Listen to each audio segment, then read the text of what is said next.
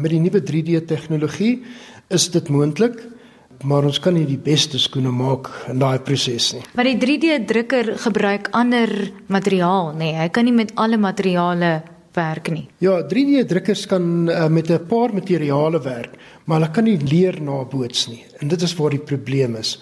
'n uh, Skoen moet kan asemhaal. Hy moet kan water uithou en hy moet kan water uitlaat. En dit kan net met leer gedoen word. Wat is die belangrikste komponent van 'n skoen? Nie een is minder belangrik nie. Ehm um, 'n binnesool van 'n skoen is vreeslik belangrik want hy hou die hele skoen aan mekaar en dit is gewoonlik waar mense die koste sny uit 'n skoen uit. Maar dan ook die kwaliteit van 'n sool bepaal hoe ver jy in daai skoen kan loop en hoe lank hy gaan hou ook. Oppermateriale eh, namens leer verkieslik is ook belangrik want die beter die kwaliteit leer, die beter hou jou skoen. Hoe tegnologie oor die algemeen ontwikkel in die vervaardiging van 'n skoen? Wel, ehm um, in die industriële revolusie het die eerste tegnologie in vorm van 'n naaimasjien uitgekom en ons gebruik nog presies dieselfde naaimasjien al die jare. Soos nie baie het verander nie. Al wat dit gedoen het is dit die handprosesse genaboots. Daar is fantastiese masjinerie wat in die skoenbedryf gebruik word wat miljoene kos, maar dit maak net een proses in die skoenmaakproses boots dit na en dit maak die prosesse vinniger sodat die skoene goedkoper kan wees. Tegnologie het die grootste invloed op die oomblik op die ontwikkeling van skoene. Want ons skoene vat omtrent so 3 maande om 'n net om 'n een skoen op te ontwikkel.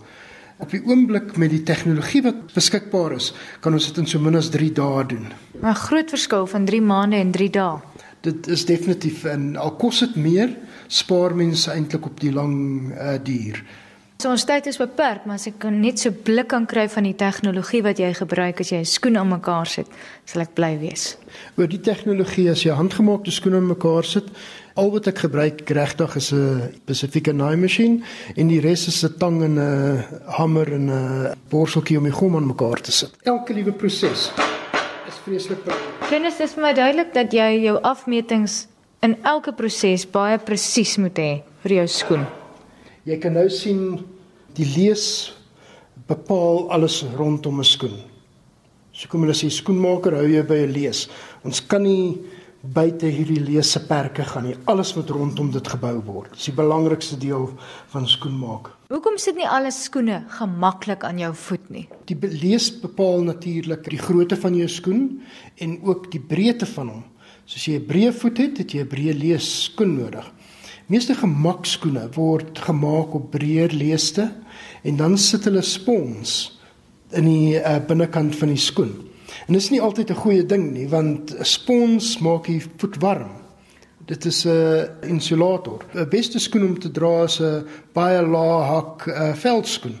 Dit is jou gesondste skoen om te dra want hy het geen binnesole wat gevorm is nie. Want daar is nie 'n manier wat jy 'n binnesool kan vorm uh om almal te pas nie. Die uh, les wat mens hier uitleer, as jy daai skoen ontdek wat vir jou lekker aan jou voet sit, gryp hom en dra hom. Ja, ek sal so aanraai as hy 'n goeie kwaliteit skoen is.